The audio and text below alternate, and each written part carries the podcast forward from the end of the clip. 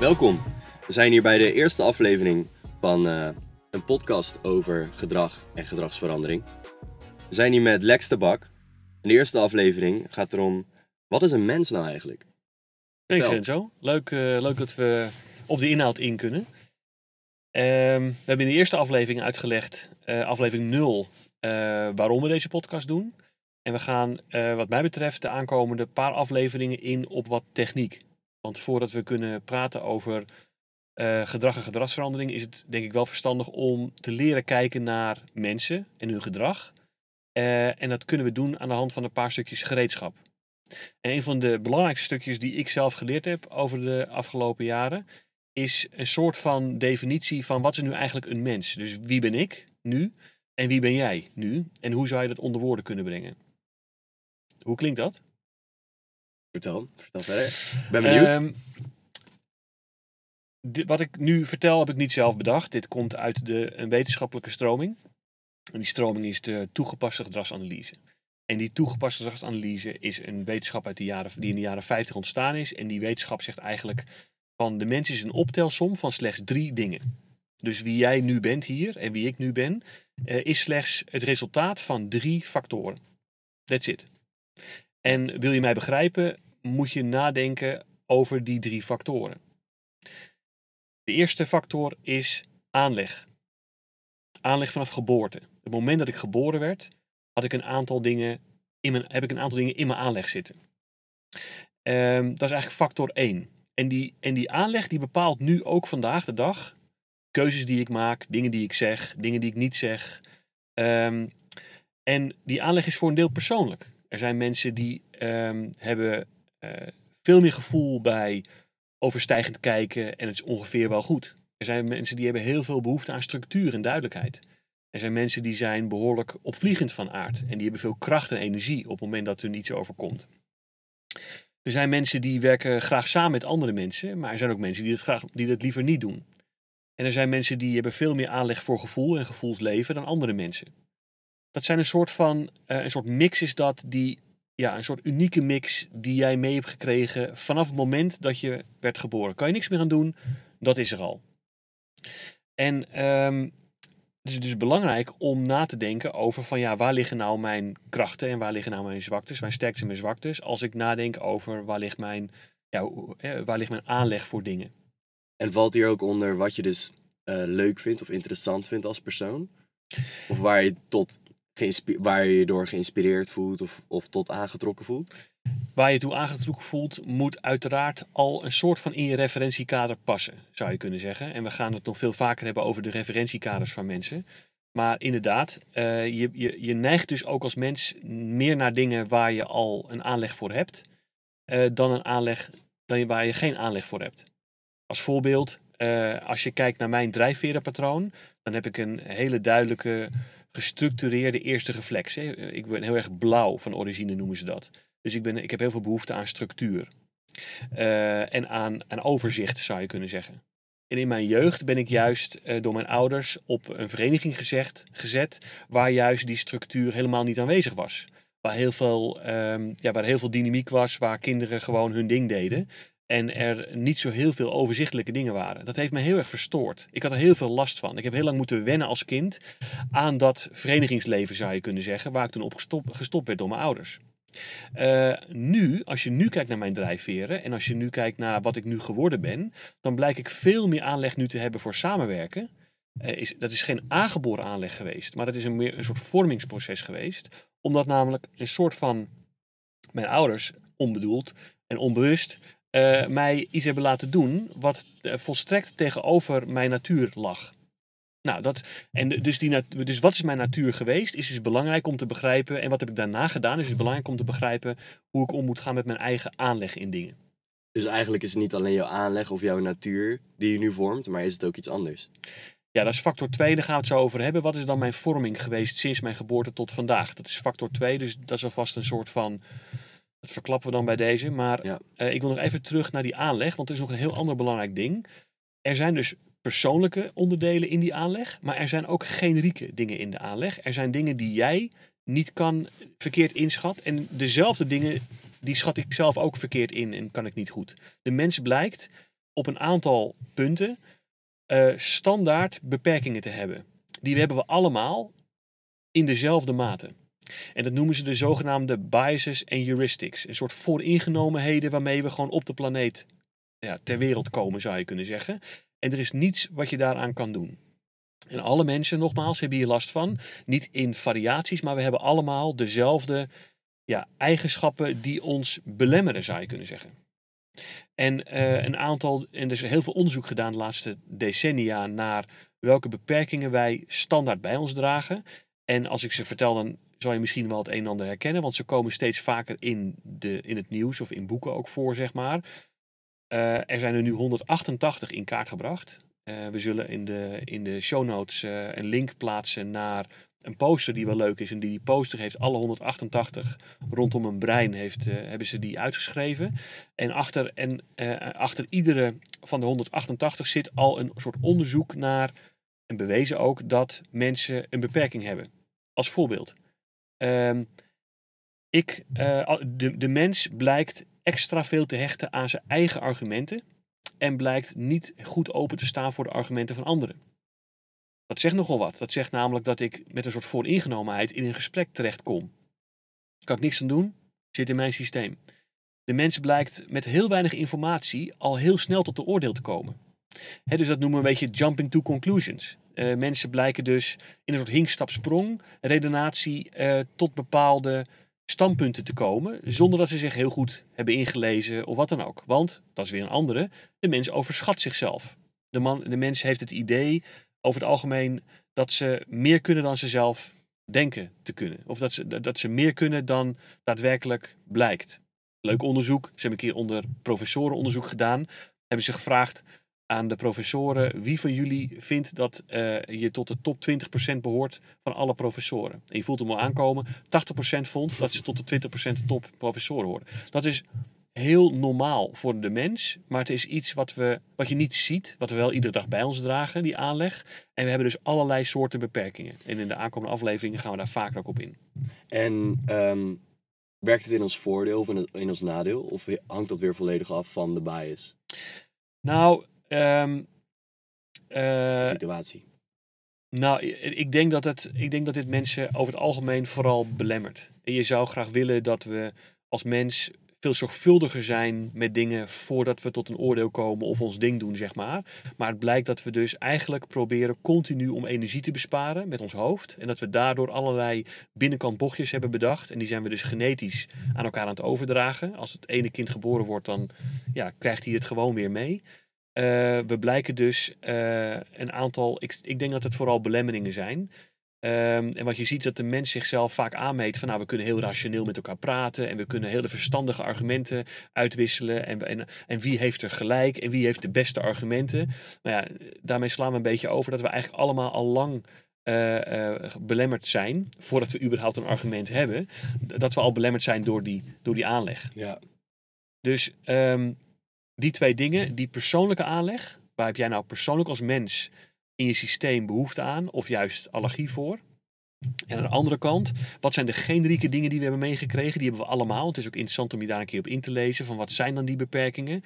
Dat zorgt er eigenlijk voor dat je dus een soort van, ja, ik wil niet zeggen valse start, maar je maakt een soort van, ja, niet, uh, niet hele gebalanceerde start, zullen we zeggen. Zo kom je ter wereld. Dat is stap 1 van wat een mens is. Dus wat ik nu ook ben, is een, is een uitvloeisel onder andere van dus die aanleg. En ik meet me allerlei dingen aan, ook in deze podcast. Jij gaat dingen zeggen. Ik zie mensen op straat lopen die zich allemaal dingen aanmeten. Ik heb naasten, ik heb collega's, ik heb allerlei mensen om me heen. En die hebben allemaal last van hetzelfde punt. En de vraag is of we daar voldoende bij stilstaan, maar dat gaan we in deze podcastserie veel vaker doen. Ja, helder. Punt 2 is, en dat raakten we al, wat is nou eigenlijk er gebeurd tussen mijn geboorte en vandaag? Want ik ben simpelweg de optelsom van al die ervaringen. Um, ik heb heel veel dingen gedaan. Maar ik heb ook heel veel dingen, ik heb nog veel meer dingen, niet gedaan.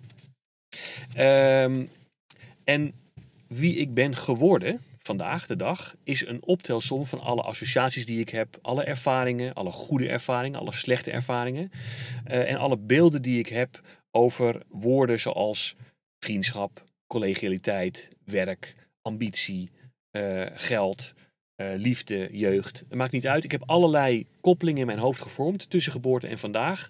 Die maken dat ik ben wie ik vandaag geworden ben. En bij jou is dat hetzelfde en bij ieder mens is dat hetzelfde. Het klinkt heel logisch, maar we houden er ontzettend weinig rekening mee als we elkaar ontmoeten. Want wat we namelijk, waar we slecht in zijn, daar komt hij weer. Wat we slecht aangeboren hebben meegekregen, is dat we terugkijken en dat we nieuwsgierig zijn en vragen stellen. Als ik jou goed wil leren kennen, moet ik dus eigenlijk vooral vragen stellen over wie je geworden bent, in plaats van wat ben je vandaag en morgen allemaal van plan.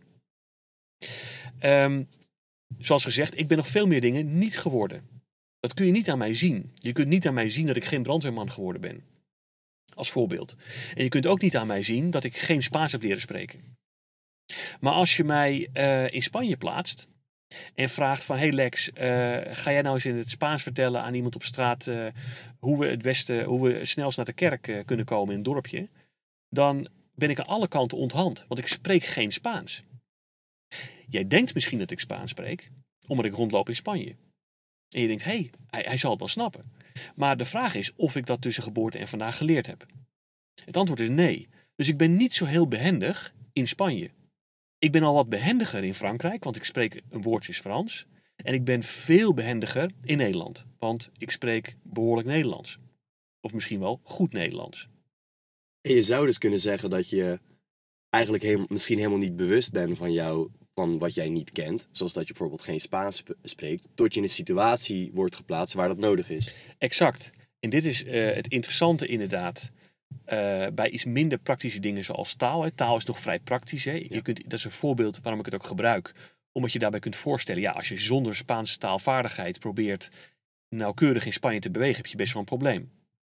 Maar er zijn natuurlijk allerlei dingen in mijn leven die niet gebeurd zijn, die jij niet weet als, als buitenstaander en waar je pas achter komt gaandeweg als je mij ontmoet.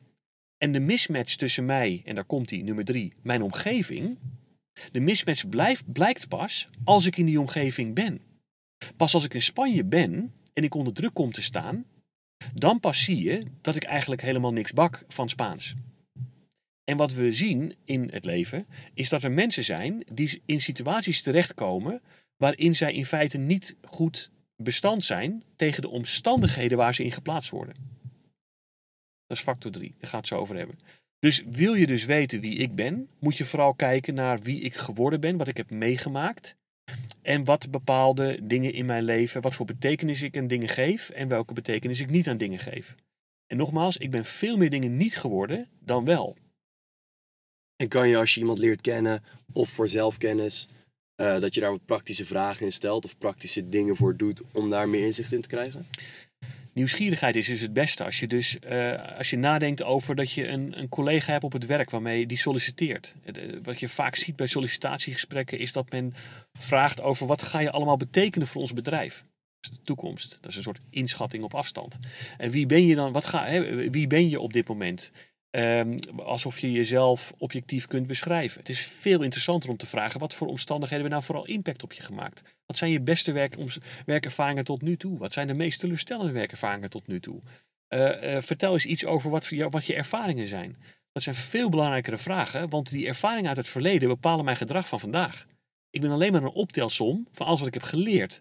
Dus ik weet nu hoe ik een podcast op moet nemen. Jij en ik weten hoe we uh, met elkaar in contact moeten staan. We, weten, we zijn allebei de Nederlandse taal machtig en we hebben een omgeving gekozen om deze podcast op te nemen.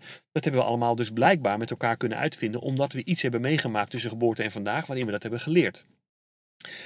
Maar probeer dus wel na te denken over of dus de mensen aan wie je wat vraagt in je omgeving, of die mensen wel voldoende gevormd zijn, zou je kunnen zeggen, om te doen wat jij had, had verwacht dat ze zouden doen.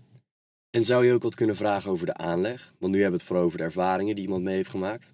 Zou je ook iets kunnen vragen? Want mensen vinden het over het algemeen heel moeilijk om over zichzelf te vertellen. Al, vertel, al ga je vertellen over ervaringen, dan wordt het makkelijker omdat het praktischer is. Maar hoeveel zelfkennis heeft iemand en hoeveel, wat voor vragen zou je kunnen stellen om dat naar buiten te brengen?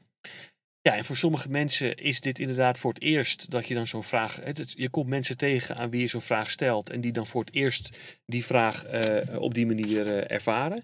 En die voor het eerst ook nadenken over zo'n onderwerp. En je komt uh, mensen tegen die al veel vaker hebben nagedacht over wie ze zijn geworden, wat hun systeem is.